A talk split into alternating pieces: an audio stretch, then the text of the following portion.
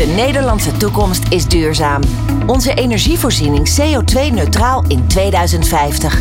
Hoe gaan we de energietransitie vormgeven? Wat betekent dit echt voor mens, natuur en maatschappij? En hoe kunnen we obstakels wegnemen om snelheid te houden? Dit is Energized, de podcast van Groen Leven. Hier nemen we met experts en betrokkenen de energietransitie onder de loep. En zorgen we samen voor versnelling. Energize met Glenn van der Burg. Een heet hangijzer bij de transitie naar duurzame energie is de inzet van landbouwgrond voor zonneparken. Diverse provincies verbieden zelfs zonneparken op landbouwgrond. En in de media wordt over dit onderwerp ferme taal gesproken. Ook onder de boeren bestaat grote verdeeldheid over zonneparken op landbouwgrond. We krijgen hier al een, eh, een groot zonnepark aan de andere kant van de grote weg, wat die vrachtwagen nu rijdt. Daar komen al 16 eh, hectare netto zonnepanelen te liggen. Ja, als ze dan hier ook nog eens een keer 10 eh, hectare vol gaan leggen, dan, ja, dan wordt het wel heel veel. Voor pluimveehouder Dick uit het Gelderse Afferde is het duidelijk. We moeten stoppen met het bouwen van dit soort zonneparken op landbouwgrond. Er is volgens hem te weinig bekend over de effecten op lange termijn. Maar zijn buurman, ook boer, wil zijn land juist graag verkopen voor de bouw van zo'n park. Ik vind het eigenlijk hypocriet. Eh, er gaan mensen dood in de wereld die, eh, die geen voedsel hebben. En hier leggen we op eh, goede landbouwgrond die geschikt is voor voedselproductie. die gaan we vernietigen. Ja, voor, voor iets wat eigenlijk op een andere plek kan. Je hoorde pluimveehouder Dick van Westreen uit Afferde. Ik heb het even opgezocht, dat is in Limburg. En hij is uh, totaal niet positief over zonneparken op landbouwgrond. En dat vertelt hij overigens in het programma 1 Vandaag van 28 juli van dit jaar. En hij vindt het zelfs hypocriet als je ziet wat er uh, nodig is voor het voeden van de wereld. Uh, Jan Reinier de Jong, akkerbouwer in Odoorn. Dat is overigens in Drenthe. is goed voor je topografie ook deze aflevering. Die denkt daar heel anders over. Nou, sinds een aantal jaren zie je toch steeds meer eh, zonneparken op land. En uh, ja, als, als plantenteler denk ik wel eens van ja, moet dat nou? Uh, als ondernemer zie ik het toch anders. Er zijn volop kansen denk ik, ook om dingen te combineren. Maar het is uiteraard een, een mooi stukje aanvulling op je inkomen.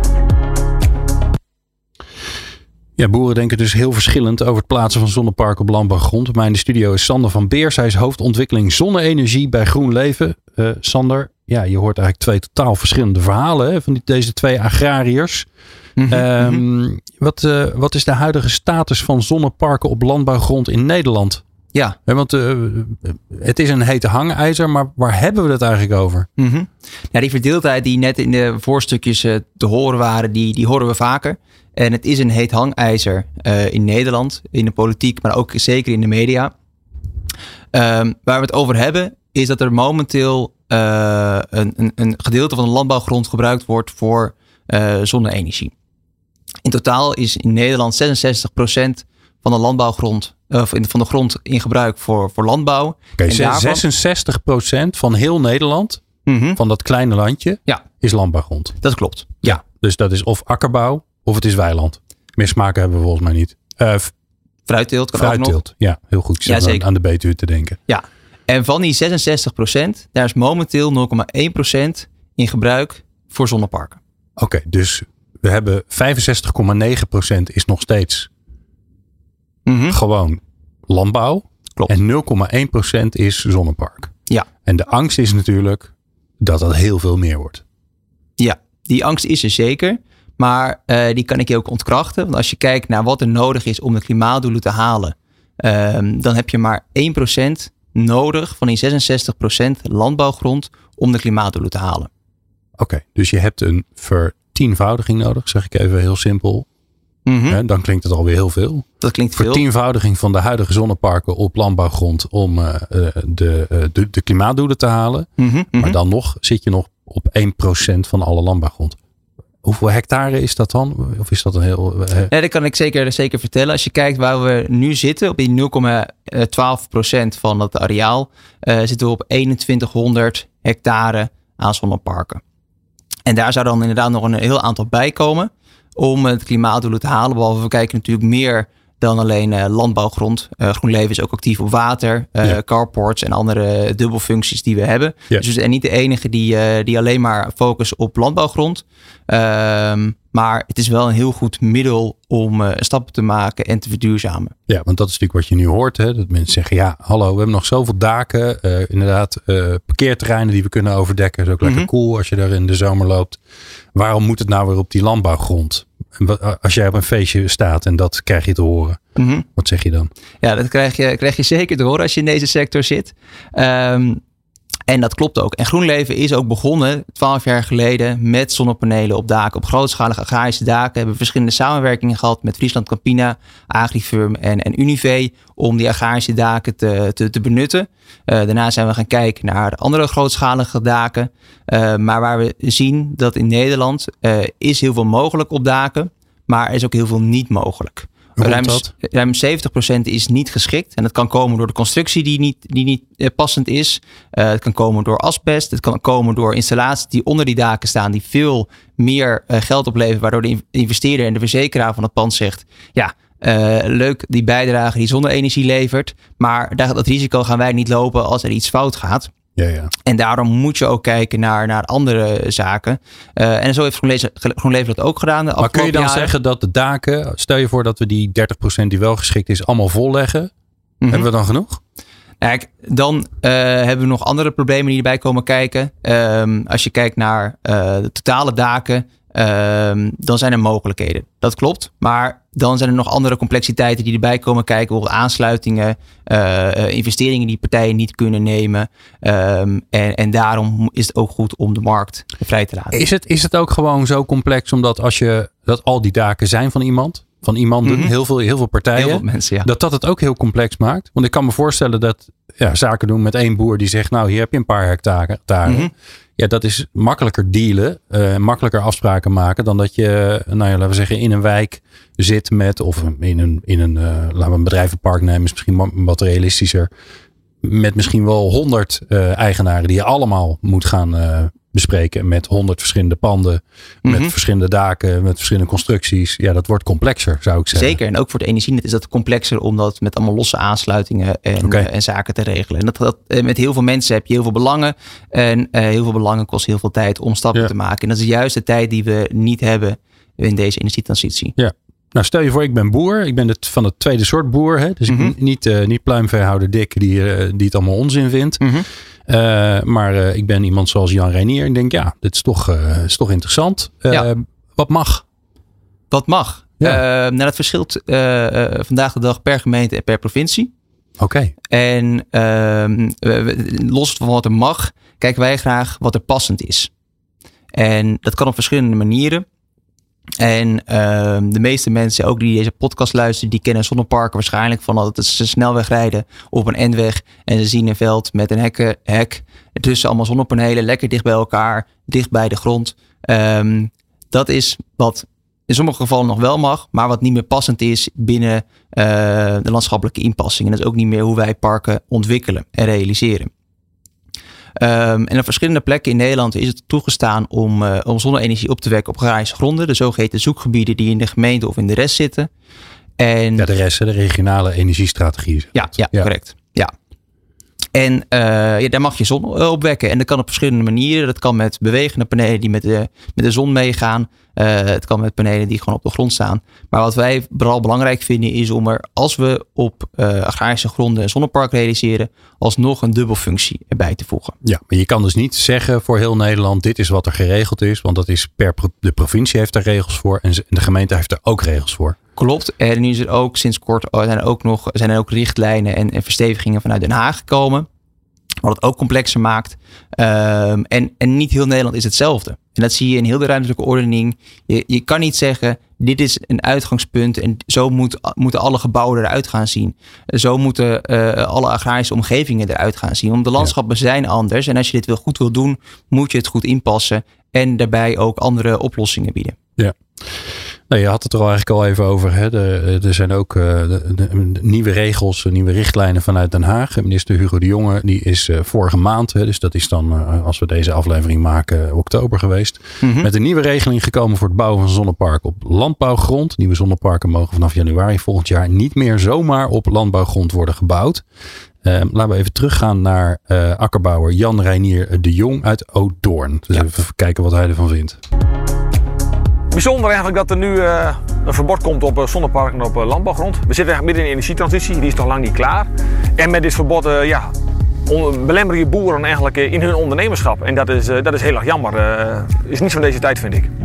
Ik snap dat, dat zonneparken in het landschap wel heel erg opvallen. Maar procentueel gezien uh, is het volgens mij 0,1% van het landbouwareaal wat in gebruik is voor, uh, voor zonneparken. Uh, daar stelt natuurlijk niks voor.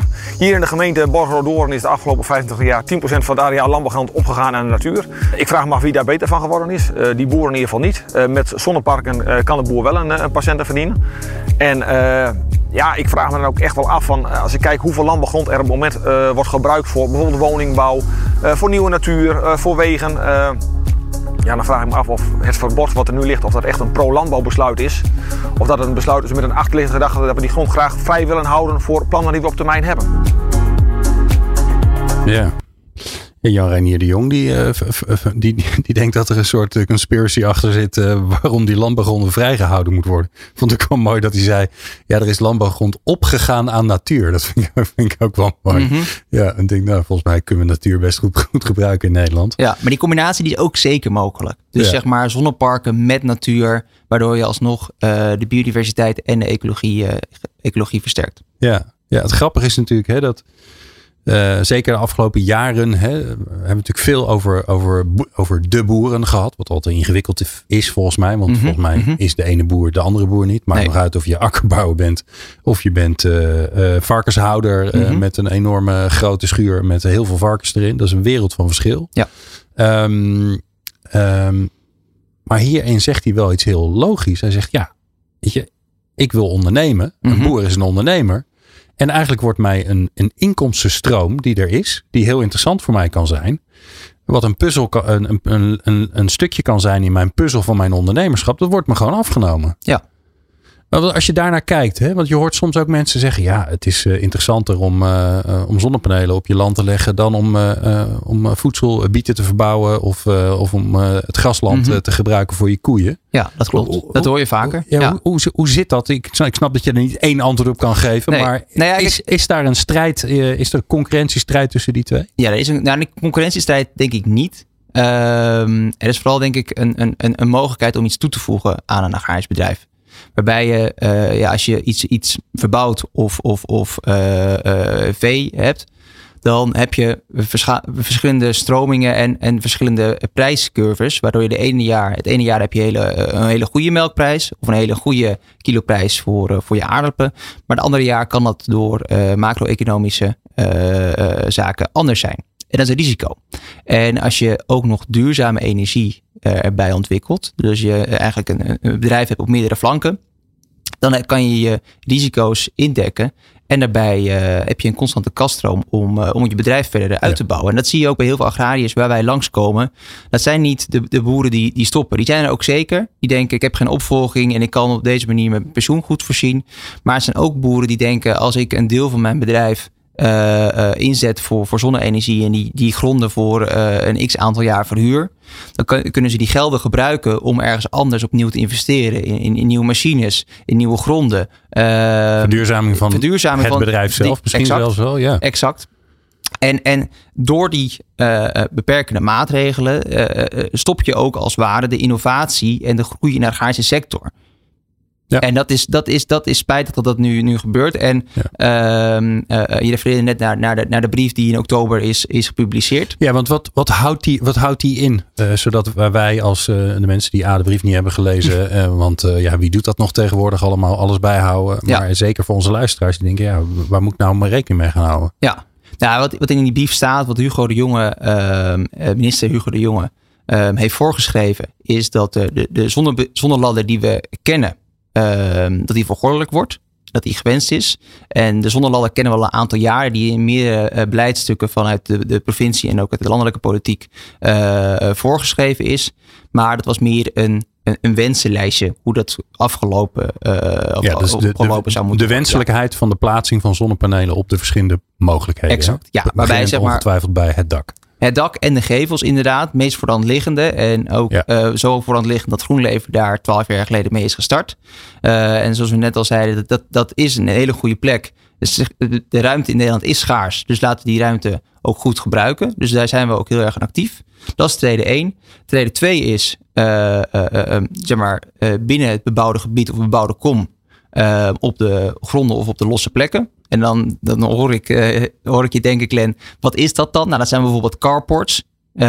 dat zijn plekken in de bebouwde omgeving. We kijken hier naar, naar het Mediapark. Het is een heel groot parkeerterrein. Nou, Dat zou je goed kunnen overkappen in de bebouwde omgeving. Dat is trede 2. Ja, heeft niemand last van eigenlijk. Heeft niemand last van. Uh, trede 3 is uh, op gronden buiten de bebouwde omgeving, wat niet natuur- en landbouwgronden zijn, is een, een, een, een lastige categorie, want dat zijn er niet heel veel, maar dat zijn bijvoorbeeld industrieplassen um, of andere zaken in het buitengebied. En industrieplassen zijn ook weer uitermate geschikt om daar drijvende zonneparken te realiseren. Ja, dus dat zijn uh, zandafgravingen. exact, zand, ja. wind, uh, grindafgravingen, dat soort plekken waar je, waar je, waar je zonne-energie kan opwekken. En tweede vier is dan de, de landbouwgronden en de natuurgronden. Eh, waarbij dan nu geldt, dat is niet mogelijk, tenzij je een van de drie opties voor gebruikt om, om iets wel te verbeteren. Waar dus de nee tenzij regel is, waarbij uh, A is uh, een agrarisch ondersteunende functie. Dus dat kan bijvoorbeeld agri-PV zijn. B is um, um, dat het een transitiegebied is.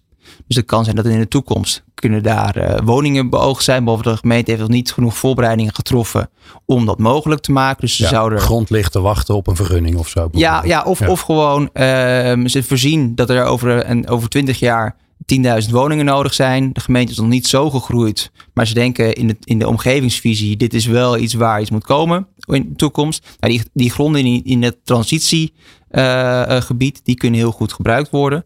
En dan als laatste de, de terzij is dus als je netwerkcongestie uh, stabiliseert of vermindert. Oké. Okay. Ja. als, als dat allemaal niet plaatsvindt? Ja, dan is het dus de, de nee waarbij het niet mogelijk is. Oké. Okay. Ja. En ik kan me voorstellen dat je daar iets van vindt. Nou ja, kijk. Uh, het is nee, best wel uh, het is, het beperkend, een, toch? Zeker, zeker. En het is ook wat, wat vooral beperkend is en wat vooral zonde is, dat die voorgordelijkheid door alle traders heen loopt. Dus um, uh, er wordt eerst alleen gekeken naar trede 1, dus de daken en de gevels. Maar alle logische oplossingen zoals carports of drijvend zon, dat kan dus ook niet als je de traders voorgordelijk maakt en eerst moet aantonen dat je de uh, trede 1 vol hebt gelegd. Oké. Okay. Oké, okay, dus zolang je niet alle daken in uh, de buurt vol hebt gelegd, mag je ook geen andere dingen doen. Nou, mogen is al niet uitgeschreven. Het is nu een wet in voorbereiding.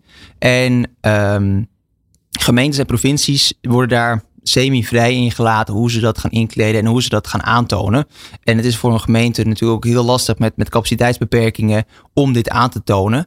En uh, dat zal het waarschijnlijk uh, in de toekomst ook wel complexer gaan maken. Ja. Als je nou hier naar kijkt hè, en, je, en, je, en je, je houdt even zeg maar je eigen bedrijf nog even buiten beschouwing, maar je kijkt mm -hmm. gewoon naar de energietransitie in een breedte. Hè, waarbij ja. uh, nou, we de afgelopen, laten we zeggen, twee jaar een enorme versnelling hebben gezien. Mm -hmm. hè. Mm -hmm. Er was daarvoor al een versnelling, maar zeker de afgelopen twee jaar. Ik denk enerzijds door het beleid van de overheid, maar zeker ook helaas door de oorlog in Oekraïne ja. uh, is het heel snel gegaan. Maar dat was ook hard nodig, Mhm. want we bungelden onderaan. Exact. Ja, we waren het slechtste jongetje van de klas waren we. Ja. Toen, ik, toen ik drie jaar geleden bij, eh, bij GroenLeven begon, toen uh, waren we het slechtste jongetje van, uh, van de klas uh, binnen Europa. Ja. Nou, dat gaat nu beter. Zeker. Zeker met zon. Ja. Toch? Want Klopt. daar, daar hebben we een enorme inhaalslag gemaakt. Um, wat gaat dit betekenen, deze, um, nou ja, zeg maar, verboden of aanstaande verboden of beperkingen uh, voor, voor die energietransitie? Nou, het gaat vooral betekenen dat het uh, gaat vertragen. Er zijn, is nog heel veel mogelijk. En uh, daar gaan alle marktpartijen ook zeker mee verder. Op de daken uh, en op de andere traders. Maar het gaat vooral gewoon vertragen omdat de, gemeentes en de provincie aan moeten tonen waar het wel of niet mogelijk is. Of wat vol is of wat niet vol is.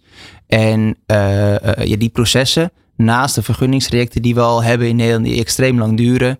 Zorgt het ervoor dat ja, de klimaatdoelen op deze manier wel, wel ja. in gevaar komen. Ja, want van alle afleveringen die ik ondertussen gemaakt heb uh, met onder meer GroenLeven over mm -hmm. de energietransitie, ja. blijkt één ding. Namelijk, uh, we kunnen wel sneller, maar dan moeten we wel wat doen aan alle regels, richtlijnen, ja. procedures enzovoort enzovoort. Mm -hmm. En niet dat mensen buiten spel worden gezet, maar die moeten we gewoon slimmer gaan inrichten. Ja. En wat er nu gebeurt is dat er eigenlijk weer iets, een obstakeltje bij wordt gezet. Klopt. Dat lijkt mij redelijk frustrerend. Dat is wel frustrerend, ja. Dat, Ja. dat, dat kun je zeker stellen. En, eh, eh, maar gelukkig zijn wij hier eh, goed op voorbereid. We kunnen andere toepassingen bedenken. We denken veel in dubbelfuncties. Eh, we kunnen goed natuur ontwikkelen naast ons zonnepark. Eh, dus we, we, er zijn nog genoeg mogelijkheden. Behalve het maakt het wel een stuk moeilijker. Dat klopt. Nou, eh, waar ik het straks even met je over wil hebben. En je had het al over dat eh, eigenlijk deze aanwijzing vanuit het ministerie van eh, VRO, heet het tegenwoordig volgens mij, hè, Volksvesting Ruimtelijke Ordening. ehm, eh, dat die uiteindelijk iets betekent voor de provincies en voor de gemeente. Want daar ligt uiteindelijk Mhm. natuurlijk eh, de, Ja. het inrichtingsvraagstuk. En hoe zij daarnaar kijken, dat hoor je zo. Zoveel uitdagingen, zo weinig tijd. Hoe doen we dat? Energize. Sander van Beers is de gast, hoofd zonneontwikkeling. eh, on- zonneontwikkeling. Kijk, je hebt al een nieuwe functie van me gekregen. Ontwikkeling zonne-energie bij GroenLeven. Eh, ja, het bouwen van de zonneparken op landbouwgrond, daar hebben we het over. eh, wordt vanaf 1 januari 2024 regionaal bepaald door middel van de provinciale verordening. Ehm, en ik heb wat voor je meegenomen, voor jullie meegenomen, alle luisteraars. En zeker ook voor Sander. Namelijk een ehm, uitzending van Radio Flevoland. waarin je achter en volgens hoort de voormalig wethouder Schone uit Lelystad. En VVD-statenlid van Ulze van de provincie Flevoland dus. En ehm, ja, die eh, komen aan het woord over het gebruik van landbouwgrond. Laten we even naar ze gaan luisteren. De grond in deze provincie is zo vruchtbaar en waardevol, die moet je niet volleggen met panelen, zo hoor je Flevolanders regelmatig beweren. Maar tegelijkertijd hebben gemeenten de kavels juist keihard nodig om voldoende zonneparken te realiseren. Ja, het is voor ons heel belangrijk, omdat we afgesproken hebben in het kader van de energietransitie, eh, dat we wel het buitengebied kunnen gebruiken. We willen heel graag zon op dak. Nou, niet alle daken zijn daar op dit moment geschikt voor, dus daar hebben we nog een slag te maken. Eh, maar om onze doelstellingen te halen eh, qua wat we nodig achten in de energietransitie, ja, hebben wij een stuk buitengebied nodig. Maar meerdere fracties in provinciale staten willen een halt toeroepen aan panelen op landbouwgrond. Maar wij willen ook wel even terug naar de oorsprong van onze provincie. Onze provincie is een landbouwprovincie. Daar wordt voedselproductie, eh, daarvoor is eh, de provincie neergelegd. En wij willen dus ook die primaire taak in ons gebied houden. Wij willen niet zien dat onze hele provincie door internationale investeerders wordt volgelegd met zonnepanelen. Wij vinden dat onze provincie dus een landbouwprovincie moet blijven. Daarvoor zullen we dus ook blijven pleiten dat dat gebeurt wat hier ook moet gebeuren. Ja, de hele provincie vol met de zonnepanelen. Daar neergelegd. Toeval, belangrijke toevoeging door internationale investeerders. Ja. Ja, Ja, er zitten een, paar, eh, zitten een paar angsten bij eh, dit statenlid eh, volgens mij. ik, ik hoor het ook, ja. En, en, en die angsten zijn niet allemaal terecht. Nee. Nee. Oké. Nee, want eh, ehm, Flevoland is denk ik een hele goede, goede provincie waar hele goede grond is. Ehm, maar die worden zeker niet allemaal volgelegd voor zonneparken en ook zeker niet allemaal door eh, buitenlandse investeerders. Nee, Nee. GroenLeven is gewoon Fries. Is, is van origine is Fries, Toch? inderdaad. Ja, Ja. ja. klopt. Ja, En- met een Duitse investeerder volgens mij. Hè? Dat, dat, klopt ook onze, wel. Wat zijn onze buren. Ja, dat klopt. Ja, en, en, want en ze moeten daarbij, ook geen Audi meer gaan rijden. Nee, nee, en daarbij is het ook een agrarische eh, bedrijf wat, eh, wat in GroenLeven heeft geïnvesteerd. Ehm, en die zit in Nederland ook in verschillende agrarische ondernemingen. Dus het is, het is niet een, een investeringsfonds wat, eh, wat alleen maar geld probeert te halen. Ja. Het probeert juist de dubbelfunctie voor een, een, een agrariër te, te, te, te organiseren. Zo is het ook ontstaan in, in Duitsland. Dus boeren eh, hebben koeien of, of verbouwen groentes. Niet elk jaar gaat het goed. Dus om dat te stabiliseren, dan, eh, dan kan er ook energie opgewekt worden. En zo is het ook in Nederland verder, eh, verder uitgerold. En ehm zijn ze Ja. bij GroenLeven gekomen. Ja, met eh, dit de statenlid zegt heel duidelijk, hè, ehm, eh, meneer Van Uls, die zegt, ja, Flevoland is er voor de productie van voedsel. Mhm. Daarvoor zijn we en daarvoor blijven we. En als je daar zonnepanelen op gaat leggen, ja, dan, eh, dan kan je geen voedsel meer produceren. Nee. Dus het is een of-of gesprek. Is dat terecht? Nee. Nee, Want? nee, fijn dat je deze vraag stelt, want het is niet terecht. Het is eigenlijk meer een en-en. En dat is ook waar we steeds meer naartoe gaan in Nederland. Waarbij we eh, ja, verschillende oplossingen hebben. Waarbij je als eh, veehouder, maar ook als akkerbouwer, fruitteler... nog steeds je agrarische onderneming kan voortzetten... en zelfs nog kan verbeteren met zonne-energie. En dat zou dus bijvoorbeeld kunnen... ehm, ehm, als je veehouder bent, dat je je, je grasland inzet voor een deel zonne-energie. Maar daartussen nog met je tractor je mest uit kan rijden en je gras eraf kan halen. ehm, ehm, tussen de zonnepanelen door. En die zonnepanelen Ah. die bewegen mee met de zon. Dus die hebben alsnog een hele goede opbrengst. Ook al staan er minder op het land. En daarbij, je grasproductie gaat ook omhoog. Omdat gras is ook regelmatig gebaat bij schaduw. Zeker in de warmere zomers waar we heel veel zon hebben in Nederland. Zijn ze, groeit gras ook heel fijn bij wat schaduw van, van tijd tot tijd. Ja, anders wordt het bruin. Ja, Dan moet je gaan sproeien. precies. En dat willen we ook weer niet. Nee. Dat is niet goed voor de waterstand. Dus ik hoor, ik, hoor een, ik hoor een dubbele oplossing. Maar schets me even hoe dat eruit ziet. Want we zijn natuurlijk gewend, een zonnepark, of gewend, zoveel zien we er niet. Maar Nee. Als we dan een zonnepark zien op, Mhm. een, eh, eh, op een weiland. Ja. dan zien we een weiland met alleen maar zonnepanelen erop. Zoveel mogelijk. Klopt. Maar schets me even de oplossing van dat dubbelgebruik. Hè? Dus en gaat de, de gasproductie omhoog, vinden we fijn. Mhm. Eh, en je hebt zonnepanelen. En die boer kan ook nog zijn mest uitrijden. Want Ja. belangrijk is, want dat moet hij toch ergens kwijt. Moet hij ergens kwijt. En zeker met alle regels in Nederland zijn daar veel restricties aan. Dus die moet hij ook zelf op zijn eigen land uitrijden of anders veel voor betalen. Ehm, en hoe het eruit ziet is eigenlijk, het is een zonnepark eh, eh, eh, in basis zijn er twee dingen hetzelfde. Namelijk er zit een onderconstructie en er zit een paal op de onderconstructie. Behalve ehm, het zijn geen tafels meer zoals wij dat in vakjargon noemen. Maar het zijn palen met een, een, een, ja, een één as op die paal gemonteerd die meedraait met de zon. En op die as zit een zonnepaneel eh, over de breedte. Die hoog zijn die palen? Dat, dat kan variëren. En dat zijn ze ook- zo hoog dat ik er gewoon langs zou rijden met mijn trekker? Want dan stoot ik me kop. Nee, nee zijn dus, dus daar moet je dus afspraken mee maken met de, de agrariër. Die, en elke agrariër heeft ook ander landbouwmaterieel. Dus de ene heeft een stuk breder, de andere heeft een stuk smaller. Dus daar moet je ook je, je park op aanpassen. Maar dat is dus heel, heel erg flexibel en, eh, en modulair om dat te doen. En daardoor is er voor, voor elke oplossing wel, en voor elke landbouwer is er wel een oplossing. Ja, nou hebben jullie eerder verteld, hè, want we hebben het nu over eh, weiland. Ehm, eerder in de uitzending hebben jullie uitgebreid verteld over de oplossing die er is voor bijvoorbeeld bedrijven in de Betuwe. Die Mhm. bijvoorbeeld frambozen eh, verbouwen. Exact. Ja. ja. Daar zou deze regeling dus ook gelden. Dat, dat je daar ineens een probleem hebt om daar vervolgens de, de oplossing eh, eh, Ja. van de zonnepanelen boven het zachte fruit te doen. Ja, en nu bedoel je denk ik de zonnelanden die door minister Hugo de, of demissionair minister Hugo de Jonge is vastgesteld dat dat vergoddelijk moet zijn. Dat klopt inderdaad. En dat is ook het vinden wij heel spijtig. Dat dus er zijn heel veel oplossingen die dus de sector eh, helpen en eh, daarmee in kunnen innoveren. En die worden nu ook tegengehouden. En dat is onder andere eh, zonne-energie boven fruit. In fruitteelt in Nederland, we, we- we kweken hier en, en telen verschillende soorten fruitsoorten. Maar ook veel zachtfruit. Dat zijn van origine bosvruchten. Vruchten die in de schaduw groeien. Zoals frambozen of, of, of rode bessen of, of, of dat soort zaken. Ehm, die hebben schaduw nodig. En in Nederland doen we dat nu veelal met plastic kappen. En die Ja. plastic kappen, die, eh, die zien in het eerste jaar zien die er mooi uit. Maar eh, het, tweede, het tweede Ja. jaar en het derde jaar en het vierde jaar en het vijfde jaar dat die fruitteler die plastic kappen opdoet, wordt het steeds wat slordiger. Dan komt er een keer een zomerstorm overheen of een fikse hagel bij, waardoor die kappen of wegwaaien of kapot scheuren. En daardoor wordt het echt een lappendeken wat er heel erg onzorgvuldig uitziet. En voor die fruitteler kost dat heel veel manuren, eh, plastic. Ehm, dus en- ook afval. Afval ook Ja. inderdaad.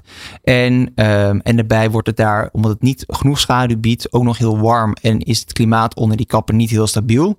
Wij hebben een oplossing, zoals je net noemde, eh, heet noemen wij zon boven fruit. Eh, het kan ook moeilijker eh, benoemd worden. Ja, maar klinkt zon boven fruit. En daarbij creëren we eigenlijk een heel stabiel klimaat voor de, voor de fruitsoorten die schaduw krijgen. Maar er komt ook nog genoeg licht doorheen dat de, de frambozen er heel goed onder groeien. En dat zorgt ervoor ehm, dat, de, dat de werknemers van die fruitteler fijner vinden om daar te werken. Het is minder koud in de winter. Eh, dus er is ook weinig kans op, eh, op, op het bevriezen van de, van de bloesem en, en andere zaken van de vrucht. Eh, en in de zomer blijft het ook wat, wat koeler. En dat zorgt voor, voor, voor meer vruchten. En dus is dus zon boven fruit stimuleert de, de fruitteelt. En Ja. dat is dus mede door die, die nieuwe regels wordt dat ook moeilijker gemaakt. En wordt dat ook in treden 4 gezegd, gezet. En daarbij zeggen ze, je moet eerst treden 1, 2 en 3 doorlopen voordat je dit kan doen. En dat is dus wat wij lastig vinden. En dat is Eh, dus ook het gevaar van zo'n regel waarbij je, of regel, een, een, een richtlijn waarbij je zegt, ehm, waarbij je eigenlijk de wereld probeert te vereenvoudigen. Want dat is natuurlijk wat er gebeurt. Het beeld wat we hebben is weideland volleggen met zonnepanelen en daaronder gaat alles dood. Hè? Even, dat is even het, het grof- of dat ja, waar dat is, ga ik wel ontkrachten als dat het beeld is wat iedereen Ja. heeft. Dat is dus niet waar. En zeker als je het goed inricht en de panelen goed uit elkaar zet, dan, dan groeit er heel veel onder. En dan groeit er ook eh, meer onder dan de monocultuur die we normaal gesproken hebben met, met, met eh, de, de veehouderij in Daar hebben Nederland. we een hele leuke uitzending over gemaakt. Overigens, eh, die eh, kun je, kun je terug eh, kijken in je, in je podcast app. ehm, eh, waarbij er dassen, vossen, weet ik veel wat er allemaal voor beesten komen. Ja. Omdat ja, de boel wordt met rust gelaten. En dan komt de natuur vanzelf terug. Zeker. En, en, en, en, en zeg maar, als je het dus niet gebruikt als, als landbouwgrond, kan je het ook stimuleren om te versterken. En als je ziet, zeg maar, vanaf 1900 eh, is de biodiversiteit van, eh, van 40% gedaald naar 15%. Eh, dat zijn gewoon geen goede cijfers. En als je een gebied realiseert waarbij je dus kruidenmengsels, bloemenmengsels eh, zaait en andere eh, zaden laat uitkomen die al 20 jaar in de grond zitten en die nu, omdat de grond met rust gelaten wordt, eindelijk uitkomen. Ja, dat is gewoon bevorderend voor eh, natuurherstel in Nederland. En dat wordt nu moeilijker gemaakt. En ehm, terwijl er juist een wisselwerking is van één, enerzijds een commerciële oplossing, waardoor er dus geld in geïnvesteerd wordt in natuurherstel en, en versterking, wordt dat nu moeilijker gemaakt en moet dat dus uit maatschappelijke gelden komen. Ja, en dat geldt eigenlijk ook natuurlijk voor die fruitteler. Hè, waarbij je zegt, ja, als je al die landbouwgronden over één, eh, één kam scheert, dan, eh, Mhm. ja, dan krijg je dus dat er dingen in de verdrukking komen. Dat zou zonde zijn. Ja. Hoe, ehm, hoe kunnen we dat oplossen? Want ja, die, die, die brief eh, ligt er. Eh, nou, je hoorde de, eh, het, het, statenlid van, van Flevoland. Mhm. Gaat niet gebeuren.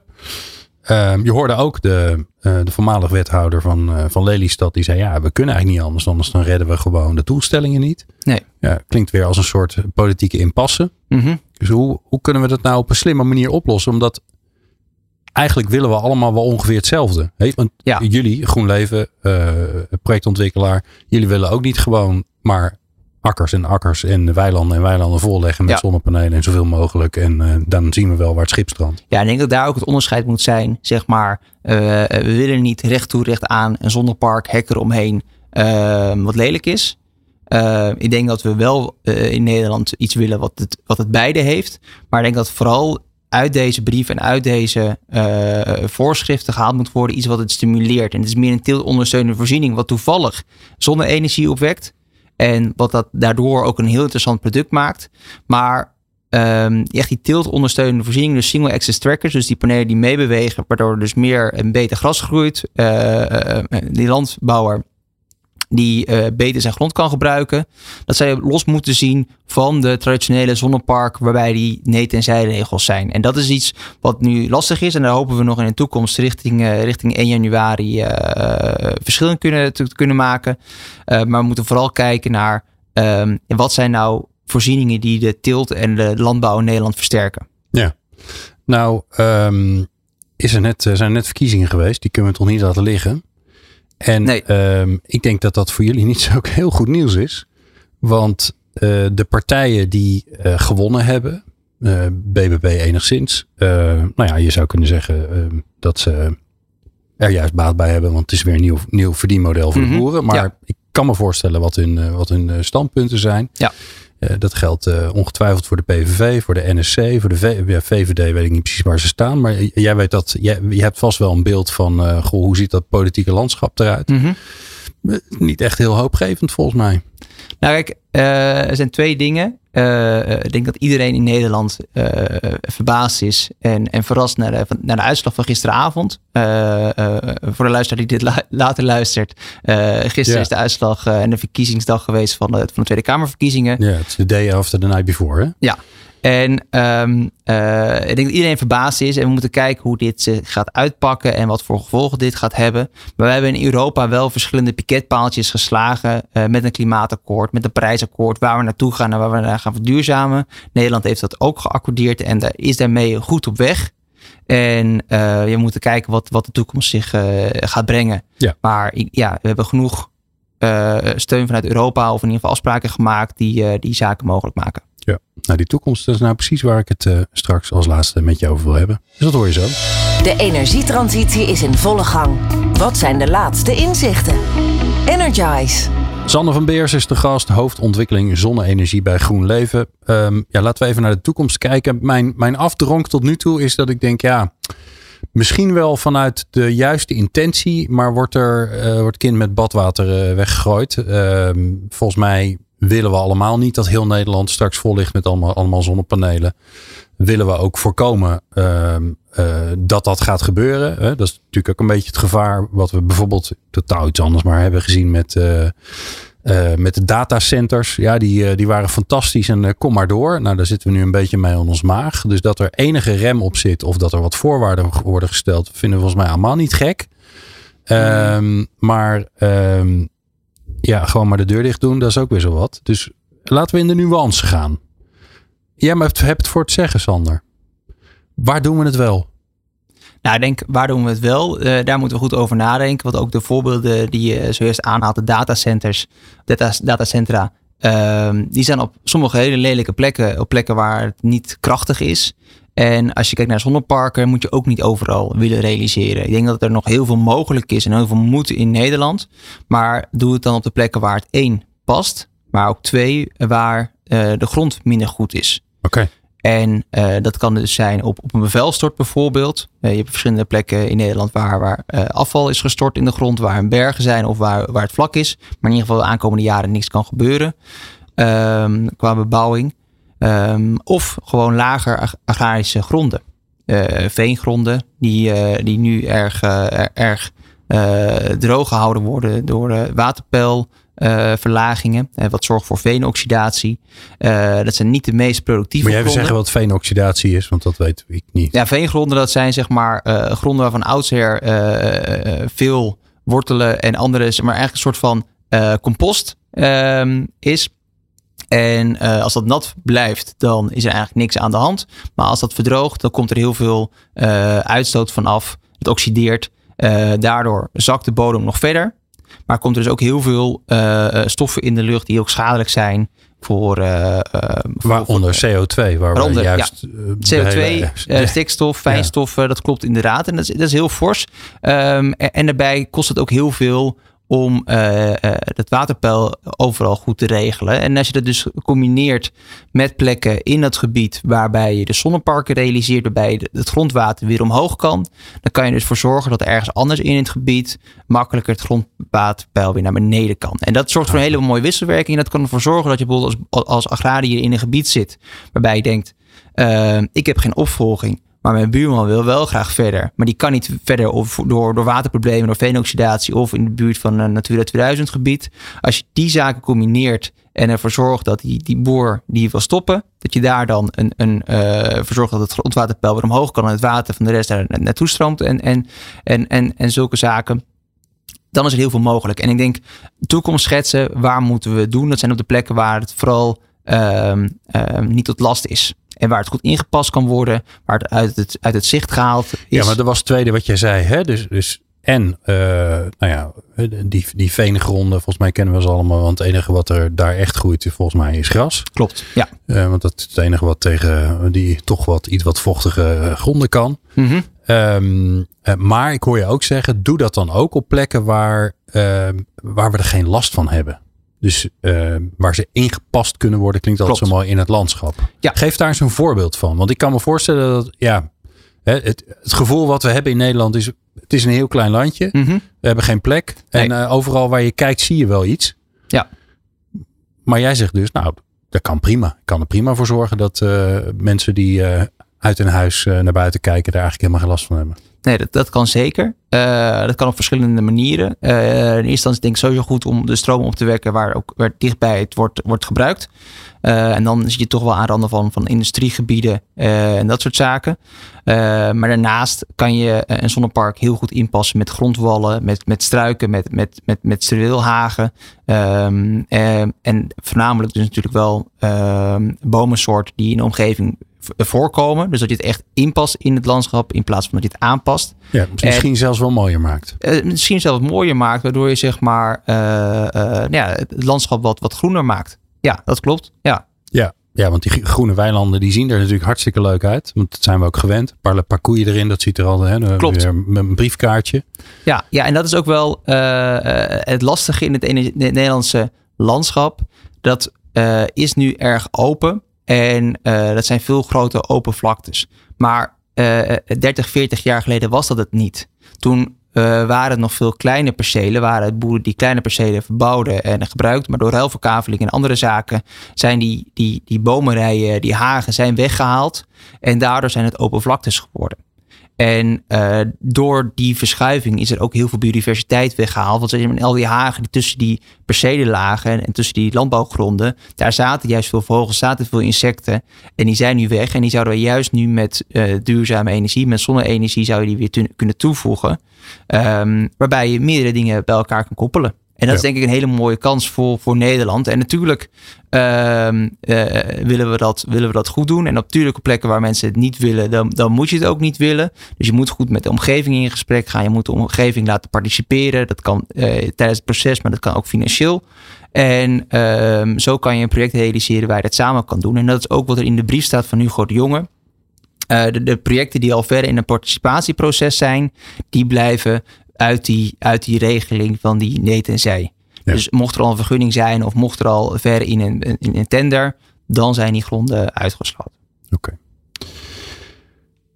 Kortom, concluderend, um, het wordt lastiger, het wordt uh, scherper en eigenlijk is de oproep uh, die ik jou hoor zeggen is, laten we nou genuanceerd hier naar kijken, uh, laten we nou alsjeblieft gebruik maken van de slimme oplossingen die er zijn. Um, en dit is toch een beetje een reactie op uh, iets wat uh, mensen niet willen. Namelijk dat heel Nederland straks zwart wordt van de zonnepanelen. Maar ze willen het ook nog groen houden. En jij zegt, tenminste ik heb ondertussen van jou gehoord van ja, dat A, gaat niet gebeuren. 1% van de, van de 66 moet eraf. Dus dat valt best wel mee. Mm -hmm. Maar ik hoor je ook zeggen, er zijn allerlei slimme oplossingen uh, waarbij je juist kunt combineren. En dat is waar we nou eigenlijk naar moeten Precies. kijken. En dat moeten we stimuleren in plaats van dat nu, nu reguleren dat het moeilijker wordt. We moeten juist kijken waar kunnen we iets toevoegen. Dus in, in de landbouwsector met agri-PV, dus met, met bewegende panelen waar nog uh, een tractor tussendoor kan rijden. Of panelen bij, uh, bij zon boven fruit. Dat zijn oplossingen die iets toevoegen. En dat zouden we moeten stimuleren. En dat wordt nu in, de huidige regelgeving wordt dat moeilijker gemaakt. En dus daardoor gaat de innovatie ook minder snel. En dat is wel uh, een probleem. Maar uh, ja, wij investeren daar uh, genoeg geld en middelen in om dat wel verder uit te werken. En ja, um, hopelijk gaan we dat snel verder in, in gebruik nemen. Nou, ongetwijfeld.